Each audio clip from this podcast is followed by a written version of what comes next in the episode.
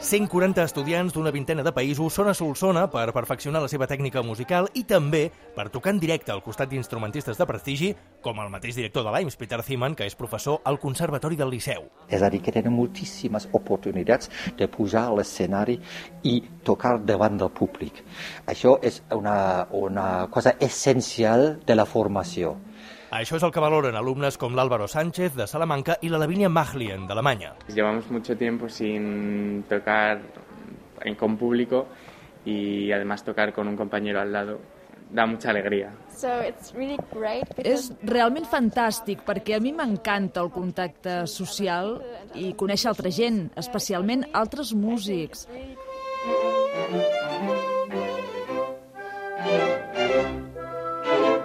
Els professors han seleccionat els 50 millors alumnes de l'acadèmia perquè formin una orquestra sinfònica. Avui els visitem en un assaig.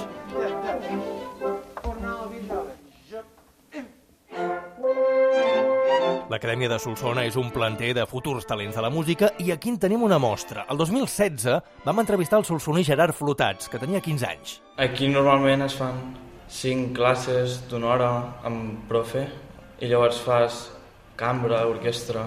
Això era el 2016, avui el Gerard estudia a la Royal School of Music de Londres i torna a Solsona com a violoncel solista. Jo l'AIMS m'ha ajudat molt a créixer com a persona.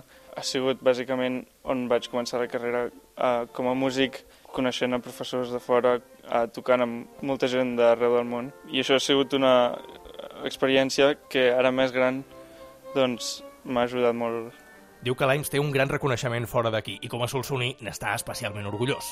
Hi ha uns professors molt bons que venen de tota Europa, pues, venen aquí a Solsona, un poble molt petit, i entre tots pues, hi ha un nivell molt alt.